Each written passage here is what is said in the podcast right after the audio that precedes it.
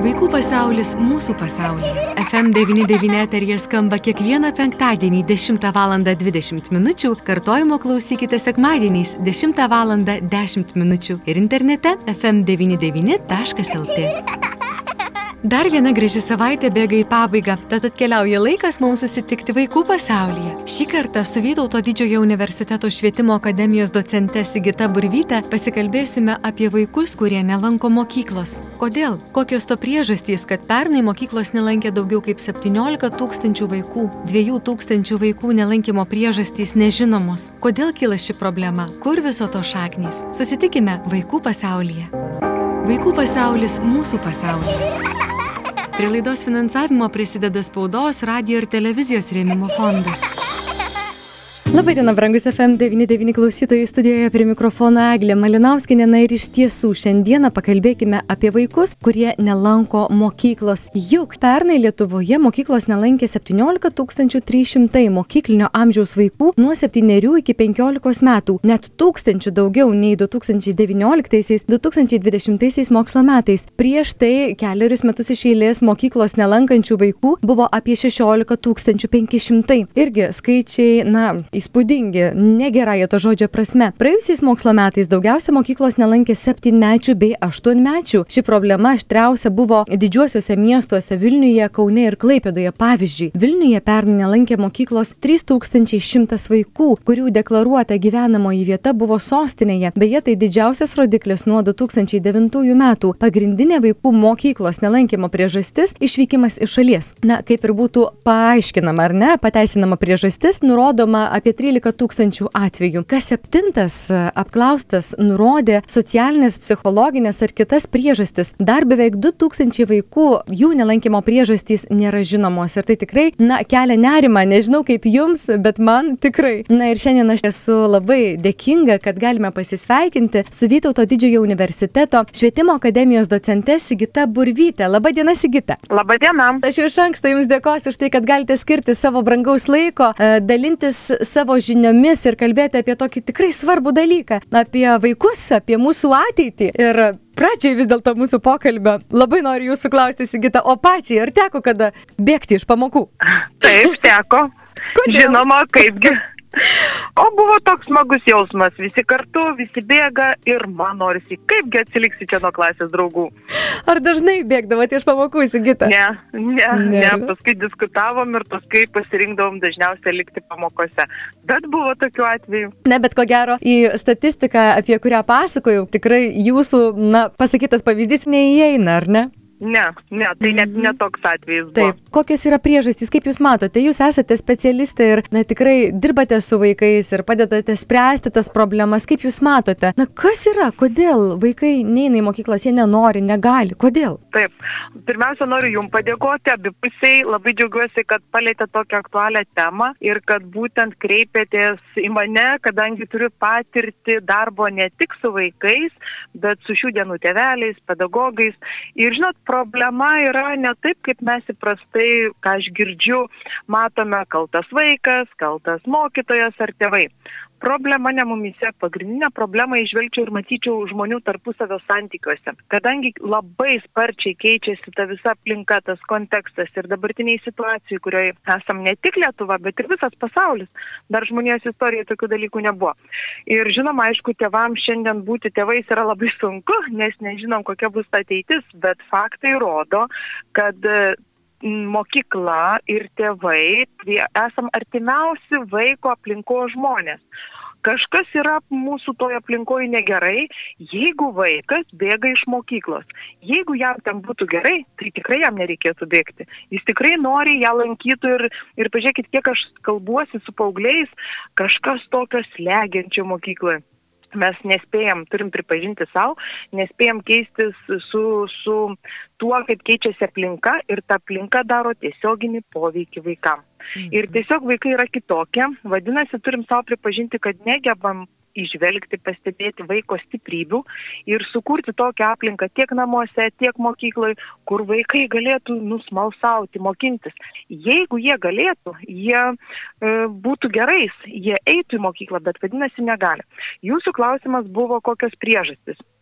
Žinoma, pagrindinis dalykas yra ir atspirties taškas, pagrindinė priežastis, o paskui jau visos iš to išplaukiančios priežastis, kurios jau yra kompleksinės. Bet aišku, tai nulėmė pačio vaiko savybės.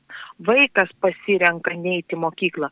Yra tokių atvejų, kur teveliai sukontroliuoja, atveda, duris uždaro, atsipučia, o, sako, ketvirtok atvedė į mokyklą. Už dešimt minučių jis jau yra namuose ir pabėga iš tos mokyklos. Yra ir tokių Lietuvoje atvejų. Tai va, pati problema yra pačiame vaike, va to vaiko asmeninė atsakomybė.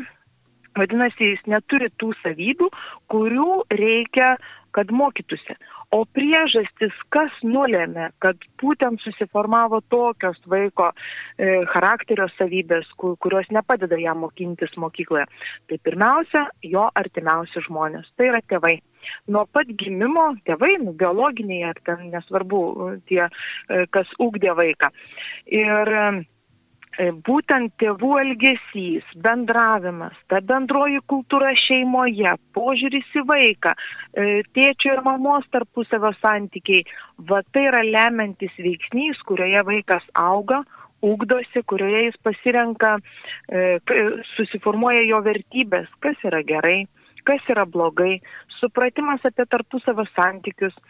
Ir formuojasi tos savybės, kurios paskui atėjus į mokyklą vieniem padeda prisitaikyti ir, ir jie noriai lanko ir ten mokinasi, o kiti dėja negali toje mokykloje išbūti ir pasirenka bėgti iš jos ir ieško kitur e, to ryšio su, su kitom subkultūrom.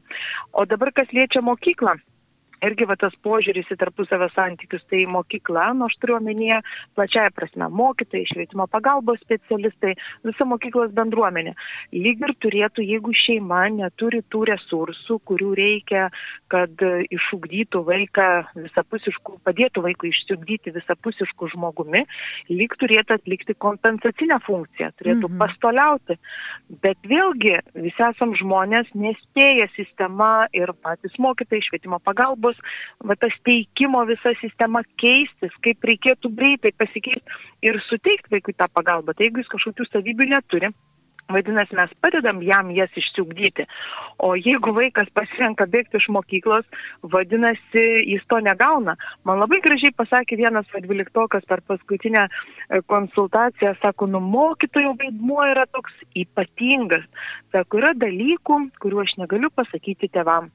Yra dalykų, kuriuos aš negaliu pasakyti bendramžim, bet yra dalykų, kuriuos aš galiu pasakyti mokytojui. Mm. Ir jeigu aš turiu mokykloje nors vieną mokytoją, aš iš mokyklos nebėgsiu. Aš eisiu tą mokyklą ir aš ieškosiu galimybių pabendrauti su to mokytoju. Tai vad mokytojo vaidmo yra ypatingas ir jis gali kompensuoti va tos artimiausios, artimiausių žmonių šeimos, tų, tų šeimos resursų trūkumą ir padėti vaikui tapti žmogumu e, su, su, to, su tais charakterio bruožais ir padėti jam grįžti į mokyklą ir ten mokytis, nu jisgi teikia savo pagalbą, jis turi norėti to, bet kažkur tai vyksta spragos ir mokyklos bendruomenė to nesugeba padaryti. O pats vaikas, žinoma, tai nulėmė tik pats vaikas, aš matau tiek šeimose, tiek e, mokyklos bendruomenėje tą per didelį norą prisimti atsakomybę už vaiką. E, meluojam patys savo, tiek tėvai, tiek mokytojai, jeigu sakom, mes e, ten mokinam vaikus ir dėka mūsų vaikai išmoksta, vaikai mokosi patys. Mes tik esam šalia jų, o jie mokosi patys. Ir va tos savybės, ypač va dabartinė situacija, kuri išryškino, ko reikia iš vaikų, e, tai tos asmeninės atsakomybės, dėja tėvai labai daug ką padaro už vaikus, atima galimybę augdytis jų savarankiškumui, tada jie nebepasitikė savim, tada, o tai atima drąsą klysti. Yra atveju, kur vaikai bijo tų kontrolinių atsiskaitimų dėl to, kad padarys klaidas, renkasi spręsti lengvesnius uždavinius arba iš vis tos atsiskaitimus nenaiti, nes baimė yra tokia didelė. Ir nes nuvils tėvus ar nuvils mokytojus, nes gaus mažesnį balą, labai stipriai yra sureikšminami tie akademiniai pasiekimai, o ta, ta bendra, bet bendras tas platesnis matymas kažkur lieka už borto ir to pastoliavimo vaikam labai trūksta. Jeigu tai būtų, tai vaikai nebėgtų iš tos mokyklos.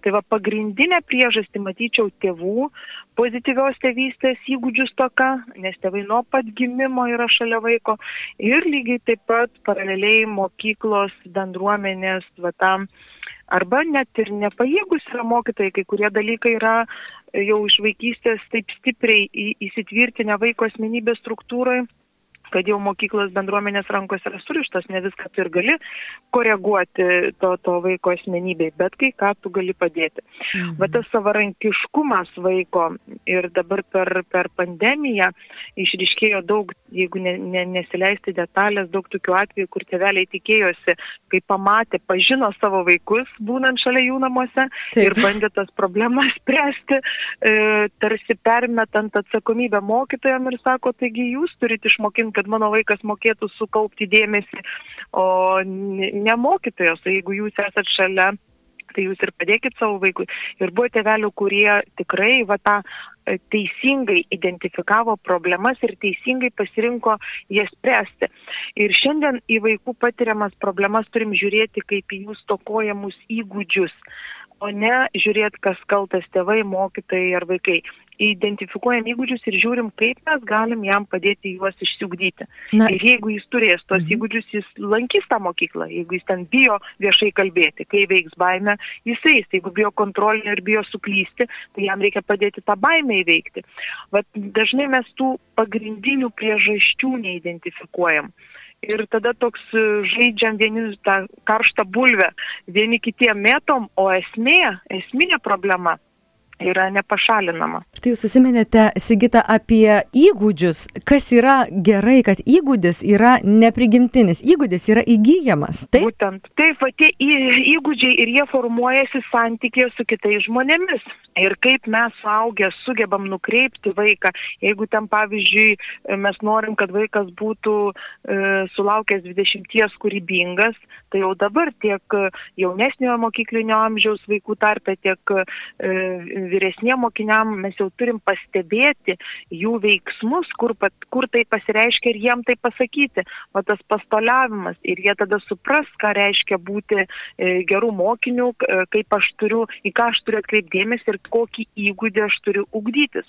O dėja dažnu atveju mes pasirenkam ir kas vat, iš mokyklos bendruomenės, e, tas įprasta ta kultūra, kontrolė, vertinimas, bet tai nepadeda vaikam išsiugdyti tų stokojamų įgūdžių. Ir kadangi jie vat jų dažnu atveju savivertė būna žema, tai juos veikia, jie nesusitvarko su tuo ir jeigu šeimoje jie negauna tinkamos paramos, jie tiesiog pasirenka ten neiti. Ir dar kitas labai svarbus dalykas, kurį nepaminėjau, bet turim žinoti tiek mokyklos bendruomenė, tiek tėvai, kad šiai dienai, ką aš matau bendraudama su paaugliais, ypatingas stygių tų vertikalių ryšių. Va to ryšio tarp tėvų, tarp mokytojų, tas pasitikėjimas vieni kitais. Ir jeigu vaikas neturi šeimoje, mokykloje, nei vieno suaugusio žmogaus, į kurį norėtų identifikuotis, kurį laikytų autoritetu, prie kurio būtų prisirišęs, jam vis tiek prie kažko reikia prisirišti. Tai da, didelė dalis paauglių prisiriša prie bendramžių, mm. o ko tu gali išmokti iš bendramžių? Jie ir patys nieko nemoka. Ir tada tas vat, bendramžių žodis yra labai reikšmingas. Ir tada mokiniai renkasi neįti į mokyklą, bet jungiasi į skirtingas subkultūras ir ten jie vieni kitus palaiko. Dar kitas labai priraišumas prie e, virtualios erdvės o virtualūs draugai tampa artimesni negu gyvi žmonės ir tas bendravimas persikelia į virtualią erdvę ir tėveliam rekomenduočiau pasidomėti, e, kur, su kuo vaikai bendrauja, kokia ta subkultūra yra, koks ten žodinėlis, kokios temos, jūs pasižiūrėkite, kokiuose e, erdvėse vaikai būna. Ir kiekviena vaiko ir suaugusio žmogaus mintis nu, mums nusėda pasąmonėje naujausi neuromoksliniai tyrimai tą rodo. Ir tai tampa mūsų tam tikro elgesio pasirinkimu, tam tikros vertybės mums formuoja. Ir už tai pirmiausia yra atsakingi tėvai. Nors dažnu atveju, klausydamasi va, tų diskusijų probleminėse situacijose, tėveliai linkia perme, pasitikėti mokytojais, bet ir savo, savotiškai permest atsakomybę mokyklai. Jūs daugiau žinot, jūs daugiau to suprantat, nesvarbu, jeigu ir turi žinių, bet va, tas ryšys, tos vertybės pirmiausia tėvai turi tą turėti ir tik tada gerąją prasme jie turės galę valdyti savo vaikus. Lygiai tas pats ir mokytojams. Mhm. Vat tarpusavio ryšys yra pagrindas. Jeigu būtų ryšys vertikalus tarp saugusių, nebėgtų mokiniai iš tos mokyklos. Čia akmenukas tiek ir mum, į edukologų, į mokytojų daržą ir tėveliam, kad turim stiprinti ryšį ir su kontrole, bauginimu, gazdinimu mes nepadėsim vaikam išsiugdyti tų savybių ir va tos asmeninės atsakomybės ir pasirinkimo mokyti savarankiškai, va, atrasti, kas jam yra įdomu ir lavinti tuos įgūdžius. O ką patys vaikai, patys paaugliai sako, kaip jie vardyje priežastis įgyta, kodėl jie bėga iš mokyklos, neina į pamokas, nelanko ir ne, nenori, vengia. Kita kartą juk tėvai net nežino, kol nesulaukia skambučio iš mokyklos ar ne, ar iš mokytojo, kad jūsų vaikas ten, nežinau, mėnesį į mokyklą ne, nesilanko, kuris ar serga ar kažkas. Ką vaikai patys įvardina, kodėl? Taip, labai skirtingos tos priežastys, čia vėlgi nulėmė tėvų ir vaikų tarpusavio santykis, kokia yra šeimoje bendroji kultūra, o tie dažniausiai, kaip jūs įvardinot, vaikai, kur tėveliai nežino, pagrindinė tokia priežastis yra, kad vaikai nori būti labai gerais vaikais, nori džiuginti tėvus, o tėvai yra tokie griežti ir jie savo tėvystę identifikuoja ir jaučiasi gerais tėvais, jeigu, na, štai hiperbolizuotai, jeigu vaikas, pavyzdžiui, mokinasi dešimtukais, o jam ta dešimtuka yra gauti kosmosas, jis į pusmetį tik vieną kartą jį gauna. Ar ten, nu, žodžiu, reikia labai daug jam pastangų ir mato, kad jis netitinka tėvų lūkesčių, tai jis renkasi manipuliuoti, pabėgti, nenueiti, kad bijo tų įvertinimų ir labai didelė va ta tėvų kontrolė, bet nepagrista e, va tuo vaiko pažinimu, tuo giluminiu pažinimu, įsiklausimu į vaiką ir tą pagalbą. Ir čia labai didelis fokusas yra tėvų į akademinius pasiekimus, o tas formuojamasis vertinimas, va tas bendravimas, kažkaip tam nėra skiriama didesn, nu, e, didesnės svarbos. Tai va ta didelė kontrolė ir vaikų noras džiuginti tėvus, bet jeigu jie jam tai yra ne pagal jėgas, jis negali gauti dešimtukų. Jis vengia ir visai kaip manipuliuoja, išsisukinėja. O tos manipulacijos, nu tai ba, arba iš baimės tėvų, arba iš noro stebinti ir būti jiem gerais. O jeigu tu neturi, nesugebi, e, tai tada kažkaip manipuliuoji. Mhm. Kita tokia priežastis yra tokia labai ryški ir gal daugiau dažnesnė, kur tėvai, kaip čia gražiai pasakyti vaizdžiai, stengiasi pakišti pagalbę vaikam, už vaikus viską padaryti, sukuria iš paskutiniųjų, sunkiai dirba, nuperka geriausią, naujausią telefoną, naujausią kompiuterį, namai šilti, maisto aprūpintas vaikas ir yra tėvų, kurie tai žino, Bet sako, mes nieko negalim padaryti, nes jisai neina į mokyklą, jis tiesiog ten neina. Ir va tas pagrindinė priežastis tėvų tėvystės įgūdžių stoka, tai jeigu vaikas privalo eiti į mokyklą ir tėvai, jeigu, jeigu nesugeba pareikalauti ar tai padaryti, kad vaikas nueitų, tai jie, va, noriu padrasinti visus tėvus. Nebūkit stručiais, nekiškit galvos į smėlį, nelaukit, kol tos problemos įsisenys. Pastebit problemą, sprendžiat, jeigu neužtenka šeimos resursų, nebijokit kreiptis pagalbos. Pas mus Lietuvoje dar yra šitas požiūris, jeigu kreipiesi pagalbos, tai kažkoks nevykęs tėtis ar mama, nieko panašaus. Tai yra labai atsaky, atsakinga, kai jeigu tu ieškai e, pagalbos iš šono ir vadinasi, tu ją gauni ir tu greičiau susitvarkai su tą problema. Ir teko tokius atvejus moderuoti ir teko mokyklos bendruomenę stiprinti ir, ir šeimas stiprinti. Ir labai džiaugiuosi, kad tėvai ryštasi ir, ir, ir ieško tos pagalbos. Ir tikrai pavyko per gan trumpą laiką, sakyčiau, per pusmetį sukurti tokią aplinką, kuri, nu, va taip viską sudėliojom, tas taisyklės, pasirinkimo variantus, palikom vaikui ir tą galimybę, tu gali nelankyti, bet bus labai aiškius e, nurodymai ir aiškus susitikimas susitarimai, kas tavęs laukia ir kad dabar taip nebebus, kaip yra. Jeigu tu pasirinksi neiti į mokyklą, sutarėm, kokios bus pasiekmes ir tą turi tėvai pritaikyti. Tai va tenka stiprinti tėvus, kad jie tuos susitarimus, kuriuos susitarė ir įgyvendintų. Pavyzdžio, Sigita, prašysiu tuomet, kokios tai gali būti pasiekmes, na, kad vaikui atsvertų, kad jis vis dėlto eitų į mokyklą, jos turi būti pakankamai, nu, tokios stiprios, kad vis dėlto suviliotų, ar ne, į mokyklą labiau. Vat būtent, taip. Ir žinot, visi, va ir teveliai, kai ateina į konsultacijas, visi, kaip ir jūs dabar klausėt ir mane stumėt į kampą, ir kokios šitos pasiekmes, Sigita, burtų lasdelės reikia, o tos burtų lasdelės nėra, ta burtų lasdelė turi kiekviena šeima, aš tik padedu ją surasti. Tokios universalios pasiekmės nėra, e, mes diskutuojam su teveliais ir ieškom pirmiausia, mes turim labai gerai pažinoti vaiką, kas jam yra svarbu. Va, tevam rekomenduoju susipažinti su savo vaikais, tiesiog pasikalbėti su jais ir turit atrasti ką jisai vertina, kas jam yra svarbu. Vienam kompiuteriniai žaidimai, kitam bendravimas su draugais, kiti dar turi įvairių skirtingų pomėgių. Ir turit surasti bendrą sutarimą, kuris va, ta, ta, pasiekmė būtų nu, priimtina ir vaikui, ir jum. Bet jeigu jūs pritaikysit pasiekmę, kuri vaikui nėra vertinga, tai neturės jokios, jokios naudos. O per paskutinį pašnekėsi su tėveliais suradom kad vaikas mėgsta žaisti futbolą. Ir aš klausiu mamos ir tėčio, ar tikrai jūs sugebėsite tą pritaikyti, kad savaitę, žodžiu, važiuoja į varžybas, kad ir tikrai, nu, jeigu sutarėt, kad savaitę jis neįsi futbolą, ar jum patiems pavyks. Va dažnu atveju susitariama, bet tėvam labiau to reikia negu vaikam ir tėvai nuolaidžiauja. Kiekvienu atveju labai skirtinga, bet vaikas tai turi vertinti ir tik per sant, dar labai svarbu, kaip mes tai pateikiam. Ar naudodamiesi aukštesnė pozicija, va aš tau dabar pasakiau, ir tarsi bausmę, va dabar tu žinok, ne šita prieiga prie vaiko netinka.